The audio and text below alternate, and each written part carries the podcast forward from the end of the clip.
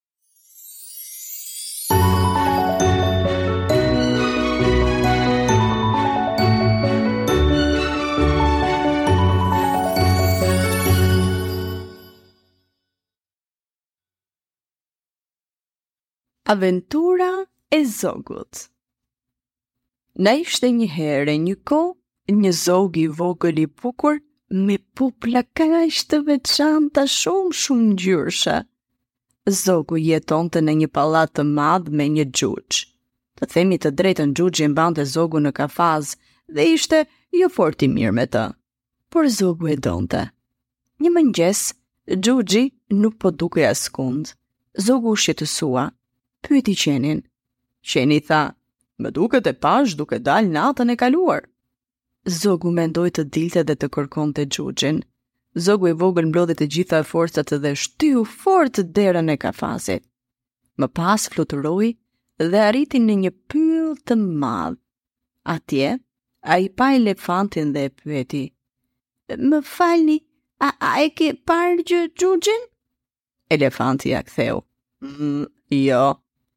Me sytë e tij të mprehtë, zogu pa xhuxhin të shtrirë në dëborë.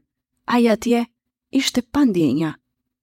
Zogu pa dhe një pinguin të cilin i kërkoi që ta ndihmonte dhe të merrte xhuxhin. Me lot në sy, xhuxhi falënderoi zogun, zemra e tij tani kishte ndryshuar. Xhuxhi mendoi se duhet ta lëshonte zogun nga kafazi që ai të ishte i lirë dhe donte që të kujdesej me të me shumë dashuri.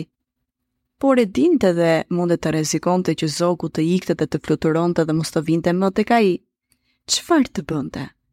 A duhet ta lëshonte tani me nderin që Zogu i bëri, apo ta mbante sërish në kafaz sepse i duhej?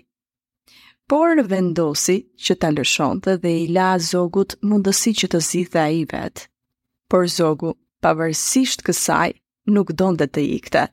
Ai tha që mund të bënte xhiro, mund dhe të bënte shëtitje të ndryshme, por do të vinte sërish aty, në mbrëmje që të bisedonin bashkë, të hanin diçka, dhe pse jo, t'i sillte xhuxhit të vogël, disa manaferra që ai i ka shumë qejf. E kështu, edhe jetojnë në liri, por gjithashtu edhe në miqësi.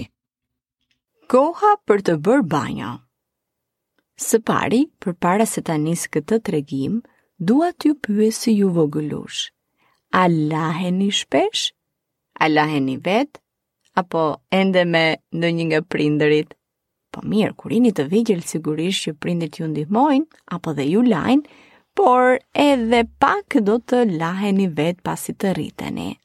Ndoshta disa nisin të lahen vetë kur bëhen 6 vjeç, disa 7 apo 8, kjo në varësi tuajën, por e sigurt që sapo të rriteni mjaftueshëm, do t'i bëni vetë të gjitha. Por çështja është, a laheni shpesh, a laheni mirë, a sapunoseni mirë e mirë, apo kini ndonjë shampon tuaj të preferuar. Unë do ju tregoj për një vogëlush, por fare vogëlush për Kenin. Keni i vogël është dy vjeç.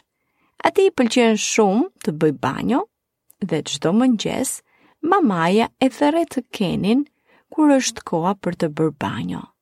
Po ju fëmijë, Preferoni të laheni në mëngjes, përpara se të niseni për në kopsht, shkollë, apo më mirë pasdite pasi vini nga shkolla apo kopshti, apo në darkë përpara se të flini, sepse thuhet përpara se të flemë, një banjo e mirë, na qetëson, na bën të jemi dhe tamam si të freskët fiks për gjumë e për të parë ëndrra të mrekullueshme. Rikthehemi tek Keni. Keni, uji është gati, tha mamaja në mëngjes. Keni sapo e dëgjoi vrapoi për në banjo. Ai mori një shampo që bënte shkumë, derdhi pak prej saj në vaskë, por Uh, shumë shpejt vaska u bë përplot me flluska. Kjo shkumë e re, kjo shampo e re që ka blerë mami me sa duket, qenka vërtet shumë, por shumë shkumëzuese. Keni po kërkonte përreth lodrat ku i kishte vendosur anës vaskës apo dhe që mund t'i kishin rënë brenda. Më pas hodhi dhe anijen dhe balenën që e ka të preferuar. Pastaj hodhi dhe dy pata të vogla edhe një top të kuq. Hmm, a mund të kem harruar diçka? Pyeti veten. Nëna ishte duke qëndruar aty pranë Kenit. Ajo i tha duke buzëqeshur. Ke harruar veten? Veten, Keni. Hajde shpejt, futu në vaskë tani.